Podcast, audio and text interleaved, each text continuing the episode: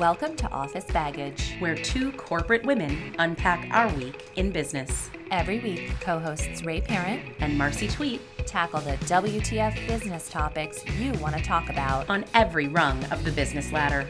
Bring your baggage, We'll unpack it. This week on Office Baggage, Recovering from a terrible week. license to drive in the Middle East, fearless girl stands her ground. the speaking engagement that surprised us both. And of course, the week in mansplaining.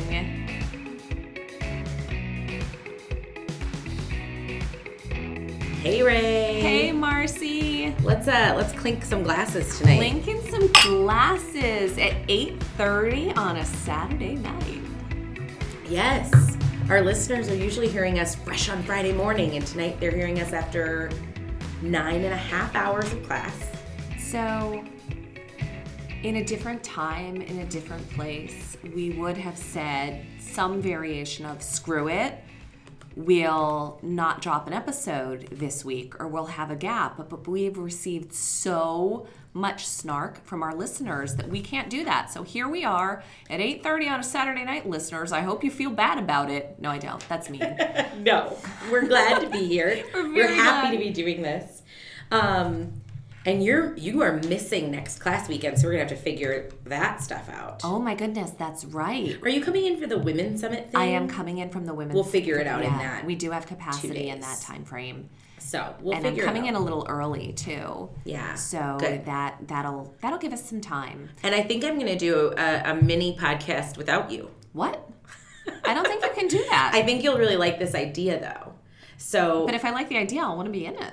Well, maybe we can do it when you come in on the 7th because it would be really funny. So, my one of my coworkers and I travel together um, somewhat often, and I am such a jerk to her about the fact that she always checks a bag. Oh, Like- you're the worst when it comes to that. I'm awful. I'm awful. I have done 10 days in South America in a carry on. Like, I can do it. And I get so jerky to Beth about checking, about her constant bag checking. And so she suggested, and I actually think it's a really funny idea, that she and I do like a mini episode together where we talk about our different strategies for packing. Because she swears up and down that she has a good strategy. Like her strategy is good. It's options, it's all of the, you know, and it's like, and I think my strategy is good as well, but they both have pros and cons. So she's like, if you would entertain it, we could do a whole like 30 minute mini on packing. that is kind of wonderful. So I thought it'd be kind of fun. So after graduation, we're gonna have to figure out ways to do this together, but we're also gonna have to figure out ways to do it on our own so that we can supplement a little, I think. we so both we'll know figure it out. that there's no way I will get the microphone working without you here. this microphone is my nemesis. You'll be fine. You can do it on your iPhone. We'll figure it out. We'll figure it out, man. It's gonna be okay. we are 49 days away, almost 48. Not that we're counting. Not so at we're one counting. point today, our corporate governance professor was like, How long until graduation? And I yelled out from the back of the room, You want it in days or hours? At least once a class weekend, there's two people in the classroom who will turn around, deadpan, and look at me and say some form of, What's wrong with you?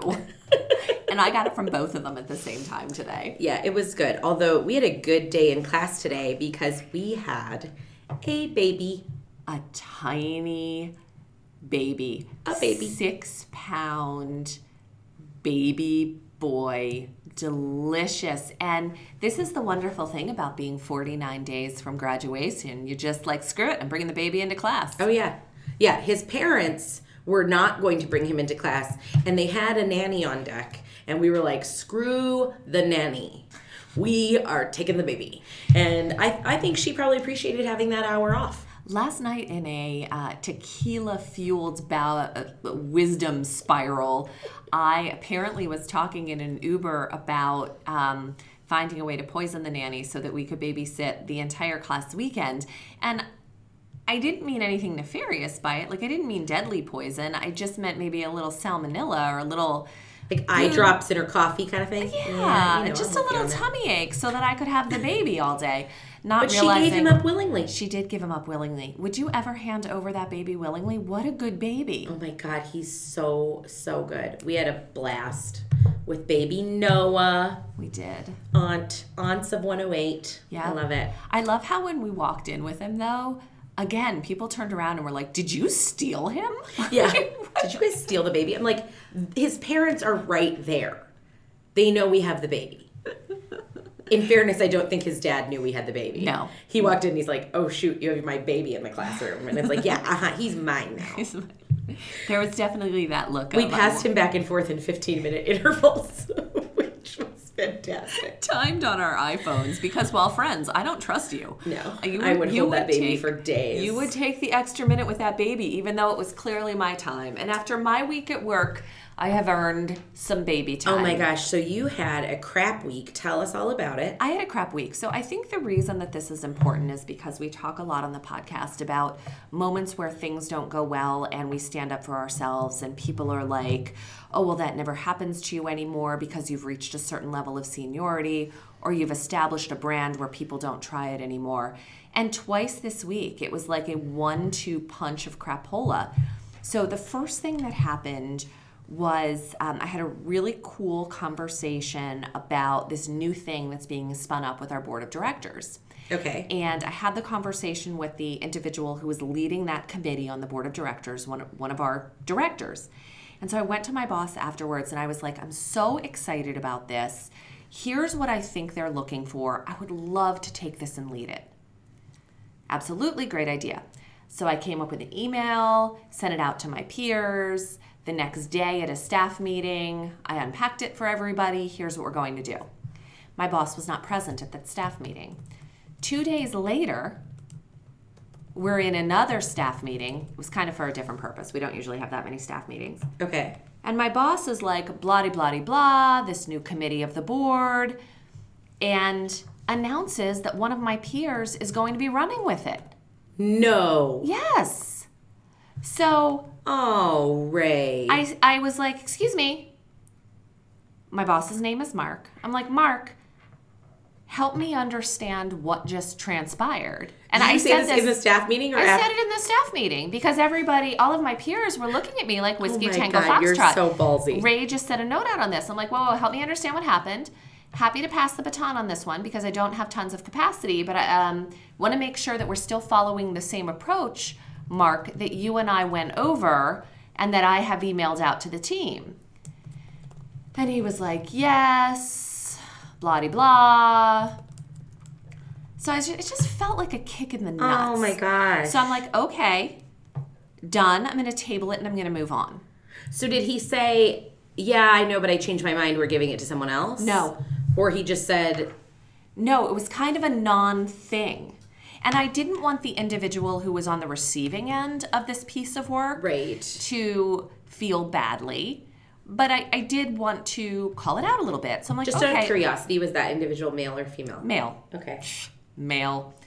So I like how you asked that like it was actually a question. It was because it would have been a different. I don't know. It might have been a different, uh, different, like motive if it were. I don't know. And so that was just the proverbial cherry on Yowza. top of the shit sundae that was earlier in the week. So yeah, I'm earning the E this week. Tweet. You stick an E on it anyway. I'm gonna earn it. so earlier in the week, and this it goes back. You know when I get emotional, I make a disaster out of stories. I should write them down in advance. It's fun. I like when you're not as prepared and and uh, concise. We like when Ray's a disaster. So, probably a good month and a half ago, something went down that I wasn't comfortable with. I just didn't feel like we were doing the right thing as a leadership team. Mm-hmm. And so I went to my boss afterwards and I was like, this didn't feel right to me. And what I would like to do is talk to a few individuals, inclusive of some of my boss's peers. Yeah. Have that difficult conversation and then bring everyone into a room. Okay. And as I went around and I had conversations with my peers and some of my boss's peers relative to this, I heard a couple of different watered down versions of, oh, do you really think it's an issue? Oh, I might have said that, but I didn't mean it as badly as you took it. Okay. It was a version of you are being too sensitive. Gotcha. I finally got the conversation to a good place, had a meeting scheduled to get all the parties in the room, and felt that we were really going to move towards a resolution on this because we desperately needed to move towards a resolution on this issue. The day of the meeting comes around, and 10 minutes prior to the meeting, my boss has his assistant cancel the meeting. Oh God. So I follow up afterwards, help me understand. and my boss tells me, well, I'm out of town, this person is out of town, I would rather do it face to face. Well, that's fair. That is fair, but the reason that I went around and talked to everybody individually beforehand was because calendars would not allow us to do the meeting face to face before the end of April. Okay. So I am sitting in a completely different session with a couple of consulting firms and my peers Yep. and my boss earlier this week. And come to find out that this consulting firm and an external management consultant are now on board to drive the dialogue that I raised two months ago that I was being air quote too sensitive about. Oh my God. So, you know, my favorite tool in the career toolbox is that help me understand, Right. right? So I, I went to my boss and I was like, look, help me understand if I went about this the wrong way. Help me understand if there was something in my style that was alienating. And um, nothing. Nothing. I mean, fundamentally, it came down to we didn't think it was an issue until these external consultants brought it up. Wow. And it really just felt bad. And then right away, the conversation moved into, well, should we do it differently? Do you want to be in the meeting? I'm like, dude, that's not the point. The ship has sailed. Someone else is taking this issue forward. What I need from you right now is an articulation of what I did wrong or what I could have done better in the future so that my association with being someone who could solve this problem isn't completely lost. That's what I need from you as a supervisor right now. And it fell on deaf ears. Ugh. Really frustrating. Super, super frustrating, That's incredibly frustrating. right? I'm sorry. Eh, first world problems. Boo. But, ladies and gentlemen, crap happens all the time. Yeah. Even with all the tools that we have and have developed over the last, you know, 10 to 20 years and all the advice we give, and I kind of take a step back and I look at it would I have done anything differently? Would I give someone else in a different position different advice relative to how to execute on these Right. things? Um, am I seeing anyone else execute on these things differently? Nope, nope, and nope. Well, I think it goes. I'm jumping ahead a little bit here because we had planned to talk about this later, but I think it, it fits in what we're talking about right now. You and I did a, a fun event, speaking engagement yesterday. That was yesterday. It feels like a lifetime Holy ago. God in heaven, it feels like a week ago. Um, yesterday for a group of the full time MBA students. And there was this very much, um, it was a very strong sense of, well, you must not deal with this anymore, but here's what I'm dealing with. Mm-hmm. And it is really freeing. And I think it's really a, a good topic of conversation to say to 20 something women and 30 something women and 40 something women, 50 something women, we all deal with this. And it never goes away. And the same issue, the same feeling, the same common bond comes up over and over and over again. And it's frustrating. It is incredibly, incredibly frustrating. When I'm in a room with people who know me, I don't deal with those issues mm-hmm. anymore because I'm very well established inside of my company or inside of the circle that is my industry. When we have external consultants come in, I I shared this story yesterday in the forum. Twice I brought something up, twice it fell on deaf ears. Twice one of my male colleagues brought up the point and it got traction. And the third time I mentioned something, I brought up a point. I said immediately afterwards, I turned to my peer, Jason, and I said, Jason, could you please repeat what I just said so that this gentleman will pay attention to it? Because I do think it's an important point. Um, so I have no problem agitating in that regard, and that is a privilege that I have at my level. But the fact that I, that moment of having to deal with that twice after how far I've come and how hard I've worked, really just sucks. It does. But it's you're hitting the nail right on the head. We all have to deal with it, and it doesn't matter if you have a title. We had an executive guest in here doing a speech the other day who said she still deals with. Mm-hmm. She's an executive vice president in a pharmaceuticals company. An executive vice president who apparently makes $12 million a year. I'm not sure we're supposed to say that. It is public knowledge. Someone Googled it. It is public knowledge. Now, we're not saying who she is, but We're definitely not going to say who she is now. no, I'm not going to say who she is. No, but somebody said this to me afterwards. Somebody said this to me that they had Googled her, and apparently her her salary is public knowledge because it was done during a big major deal. Yeah, And even she said people still that in recent she I think she said this week Yeah. she was in meetings with people who treating treated her markedly different because she was female. And this is a woman in her probably mid to late 50s who is EVP level at a huge company. It doesn't stop. It doesn't. It doesn't stop. Well, you had an interesting experience this week where we had a couple you had a couple of male colleagues effectively say why does it it doesn't matter anymore what Yeah, I had two two male colleagues who were frankly coming from a great place and who both of them credit where credit is due are great male allies for women and have been great male allies for me. But in the conversation we were in, both of them sort of said that they didn't feel that women were unequal and they didn't feel that women had were at a disadvantage. Now, that's a really privileged opinion. They feel that way, and I'm glad they feel that way. And I said this to them I am so glad that you look at me and you see no differences between you and I. And I'm so glad you look at women in your organization and you see no differences between you and them. But there are still so many people in the world who see those differences. And I was grateful at the time to be with another male colleague who is very well respected and um, lauded by these other two men who stood up and said what what I didn't need to say in that moment. But there is this sense of you have to know it's there. You have to be able to name it. And we talked about it in our speaking engagement yesterday. There were a lot of young men there. And one of them said, How do you be an ally? And it was, you know, be willing to admit that things are there. Be willing to admit that these are problems and that the women around you are dealing with them every day. And it takes as you always say, an incredible amount of more caloric expenditure than men have to expend every single day for us to have to deal with these things. And that's true for people of color, it's true for the LGBTQ community, it's true for us.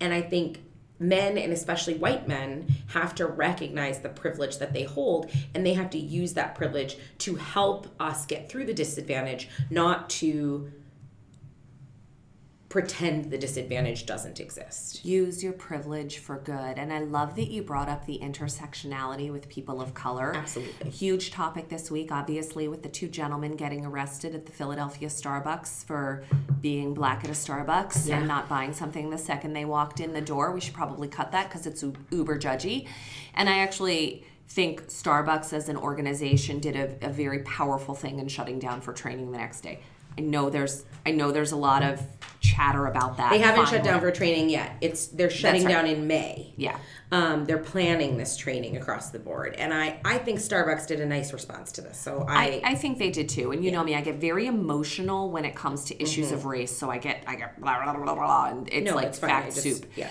But so very very good point. I think it's the right thing to do. I think it sends a very strong message. Mm-hmm. But the intersectionality here is is a great great point.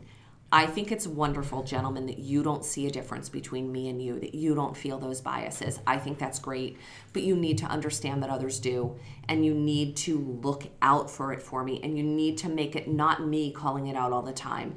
Because while everybody gets a really good chuckle, and my male colleagues love it when I'm an asshole in a meeting and say something like, Now, Jason, could you please repeat what I just said? They love it. But it can't happen all the time. Right. I need them to step in and do it for me sometimes. And if they don't want to do it for me, I need them doing that for other women.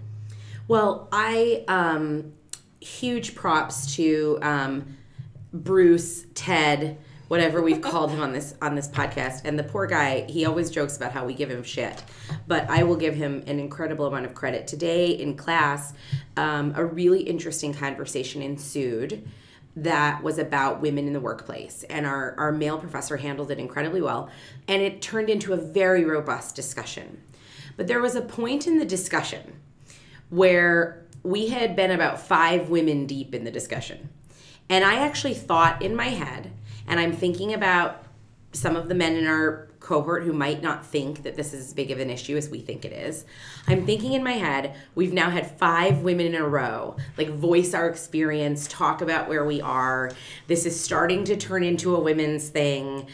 Oh, maybe we should be done with this conversation. And at that exact moment, as I was thinking it, Ted, Bruce, whatever we call him, We call him Ted when he's being a bonehead. There's plenty of opportunity for that.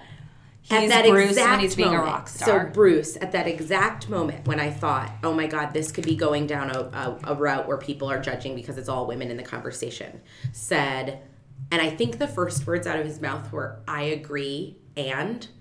And then he added a really lovely point to the conversation. And immediately after that, I texted him. I will read you my text to him, and I will read, I, I don't think he'll mind that I will read you the text back. I wrote him a text and I said, Thumbs up to you. You always know when to jump in and affirm women's points at the right time. Thank you. And he wrote back, I still feel like I have so much to learn about being a better partner, but I'm going to keep trying until we get it right. That's all I want that's all I want. And it's not so hard. But it's like he saw the moment and he said, This is a moment where I can use my power to affirm what the women in this room are saying. And it was just, it was such a wonderful moment. And I'm just so proud of that. So it was good. I'm exceptionally proud of that as well. Obviously, a dear friend, a strong ally. One of the things that really resonated yesterday so, Bruce showed up and Kirby showed up for our just an incredible privilege to talk to the what we thought was going to be 100 full-time women that room had to be 33% men Yeah, it was.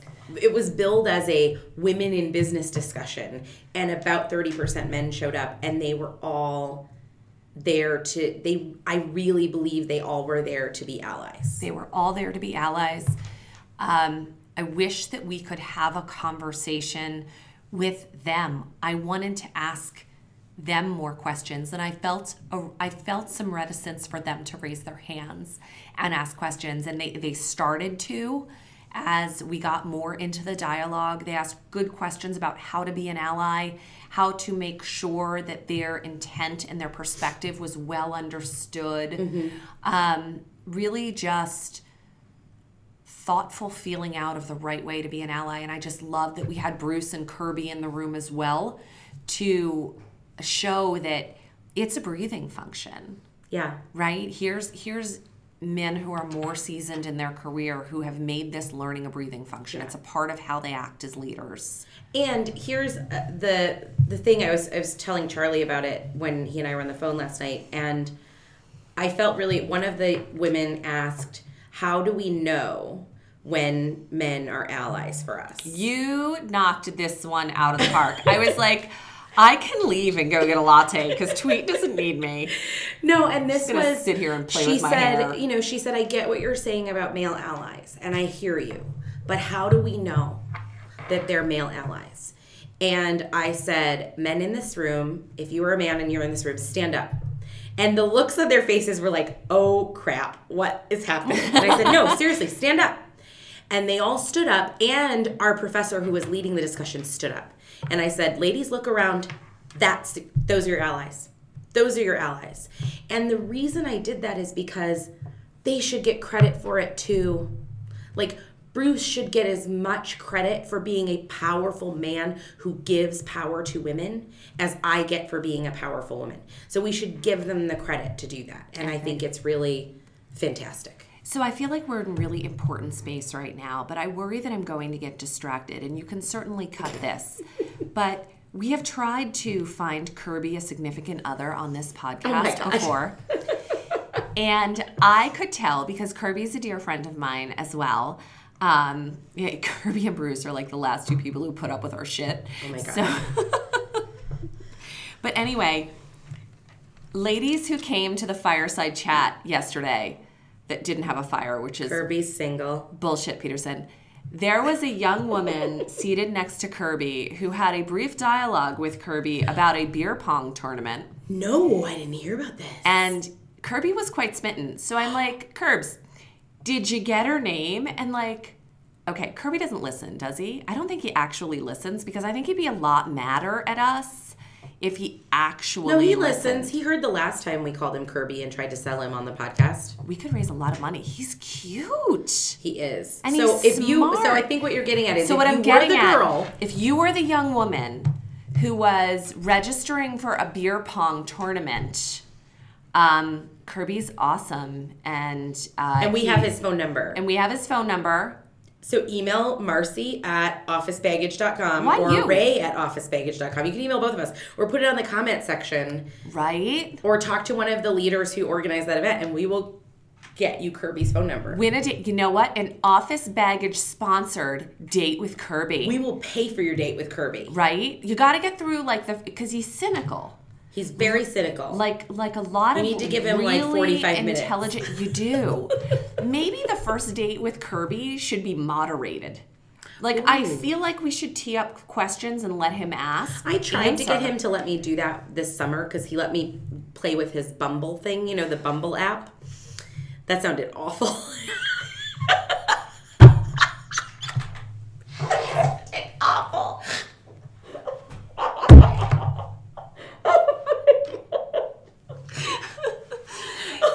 And this is what happens when we record at eight thirty. He let me play with his Bumble. I think you need to say Bumble app right away. Yes, so the app, the Bumble app. He let me pick girls for him on the Bumble app. Women. And then women. And then I wanted to I wanted to go on the date and sit at the table next to him. No, you wanted So to do that because she was an esthetician at Bliss Spa. You weren't in it for Oh yeah, I was so into the esthetician at Bliss Spa. I was like, Cody, or Kirby, we all know who we're talking she about. can get me. I feel like the last time we did a podcast where we called him Kirby the whole time, I also said his real name a couple of times. It didn't cut it, so he's fine. He'll be fine. He's fine. Um, He's adorable. He's a total catch. I'm gonna get him a puppy for graduation. I love it. You know what? I'm gonna get two puppies. I'm gonna get one for Kirby and one for Bruce. You should get me a puppy as long as you're getting puppies. I'm gonna get three puppies. Charlie can't be upset with you for the puppy thing. I think Charlie and I have spent enough time together where he can get upset with me Yeah, for anything true. he wants. Okay, we are almost 30 minutes into this podcast. We've added no value. and we have not. No, we've added a lot of value. I think We've what we talked value. about was very valuable, but we have not hit any of our topics. And No, I really don't want to record the intro again. So we talked about my shit week at work. we did. We talked about our the wonderful privilege of attending uh, and speaking yesterday at the fireside chat. So we just have we have two. two and maybe a mansplain if we have time. So Uh, yeah, I have a good mansplain. do you want to do your mansplain now, and then we'll end with our two news stories? What if it's not that good? Well, you said it was good, so go. Damn it. Now I'm feeling a lot of pressure. So I left my water bottle at work and I was on my way to kickboxing. And there's a convenience store around the corner from kickboxing. So I ran in really quick and there was a man there trying to buy lottery tickets. And which is not something that I understand really well, but he understood lottery tickets super, super well. The female clerk was having one of those days. And so he's like, that one's five dollars, that one's ten dollars, that's fifteen dollars. Ten plus five is fifteen. and she's like, I appreciate that, sir. I accidentally hit the wrong key. It rang it up at 18. Just give me a second to back it out. And he's like, I gave you a 20. 10 plus 5 is 15. Minus 20 is 5. Just give me a $5 bill. And she's like, in order to get the cash register to open, I do just need to re enter the transaction. Just give me a moment. Again, 10 plus 5 is 15. Oh, what a jerk. Minus 20 is 5. That poor girl. And she you could see it was it was analogous to you with Nimrod where we saw the color come up like under your scarf. I could see the color coming up, but more importantly, unlike with you and Nimrod, Nimrod, unlike with you and Nimrod, um, her eyes were starting to go Oh. right? Um, so I'm like, here we go. So I jumped in and I said something about something or or whatever. Um, and I actually just I took his twenty, I gave him a five, and he left. And then she and I just chatted for a few minutes about him mansplaining simple addition to her. And she was like, you know, I understand how to add. It's just that the cash register won't open. And she was like dropping things Oh, my and trying to. I'm like, can you just breathe? And there was actually a woman behind me too, waiting in line. She was buying like a Snapple or something. There are so many flavors of Snapple now. but anyway, I was like, I was like, we're fine. Can you just take a minute to breathe and enter what you need to enter on the keyboard? And we can all just laugh about how he explained simple addition to you. It was just awful. It was awful. He harassed her. He harassed her with math facts That's terrible. over lottery tickets. I wanted to kick him in the shins. So that's my mansplain. That's a good mansplain. And you just made me really thirsty for Snapple. I haven't had a Snapple in years. I used to date a guy in high school who worked at the grocery store, and every night I would go see him at the grocery store, and I would buy a kiwi strawberry Snapple that they no longer have. And I still think about how much I really, really miss that Snapple. You can't even get it on Amazon? No, I think I mean this was like twenty some odd years ago. I think it's gone. Oh. But it was like a cloudy Snapple. It was like a milky Snapple. It was a very good Snapple. It was I think it was kiwi strawberry. It was like kiwi strawberry blend, milky blend. Was it still tea? Kiwi strawberry tea? No, it was like a here, hold on. Snapple, kiwi, strawberry. It was like a milky. Yeah, um, Like I mean they do have a kiwi, kiwi strawberry, but it was different than that. Maybe this wasn't. Was it Maybe like I a need to Get this? No, it wasn't like a yoo-hoo. It was more like a frappuccino. Like a very colorful. No, I actually think this might be it. They might still have it. Look at it. Images, kiwi strawberry. but doesn't it look kind of milky? It does. I'm craving a yoo-hoo oh now. Oh my in God. the worst way. Yeah. Do you think we could get a yoo-hoo? I know. we should go get this kiwi strawberry Snapple and a yoo-hoo, and it will, you know, make me want to hang out with the guy who's now in the penitentiary. Oh, nice. You have one in the penitentiary? I think he's out now, but he was in the pen. What was he doing time for? I don't know. Drugs and theft, I'm sure. That's terrible. He probably like I, that's. I'm sure he's reformed. I'm sure. I'm sure he's reformed. Because if but we know when he worked at the grocery store, and I bought Snapple every day to see him, it was a lovely relationship. So if we know anything about the penile system, it's that it reforms you. But now that I've said penile, can we just laugh at how many times you said the word penis over lunch yesterday? And literally every time you said the word penis, I watched our finance professor get cringier Smaller and and cringier and, smaller cringier. and smaller. We're this wonderful. In fairness, I did not say penis in front of 100 people. I only said it at the small lunch in front of like seven people. facts. But I think it was mean because here is a very special, wonderful man who is a fantastic ally for women. And You think it was mean for me to say penis in front of him? once he visibly started to shrink into his chair, I think you could have backed off the penis. Now, I I think he was enjoying the fact that I was saying penis and that he thought it was. And listen, I wasn't just saying penis. We were talking about Harvey Weinstein and his penis specifically. I do believe we were talking about ways that men could not come across But keep your penis in your pants. We talked about this on last week's podcast. we did. So whatever. So I made I made our professor very uncomfortable. You did. It and we are going to go out and buy a kiwi strawberry Snapple. Yes, we are. And I'm going to buy a yoo-hoo. Yum oh. So, two big news stories Oh, this yeah. week. One that is important that you brought up, and I one is important that I brought up. So, why don't um, you start with Saudi Arabian women? So, um, a while back, it was announced that Saudi Arabia would allow women to drive, uh, ending an extremely uh, long standing policy to the contrary. And I just think this is incredibly interesting uh, when it comes to implications on the workforce inside of Saudi Arabia and everything that our sisters overseas will be facing as gradually over time those numbers start to change Yeah. and parity is start to be reached inside of the workplace. The change doesn't take effect until June.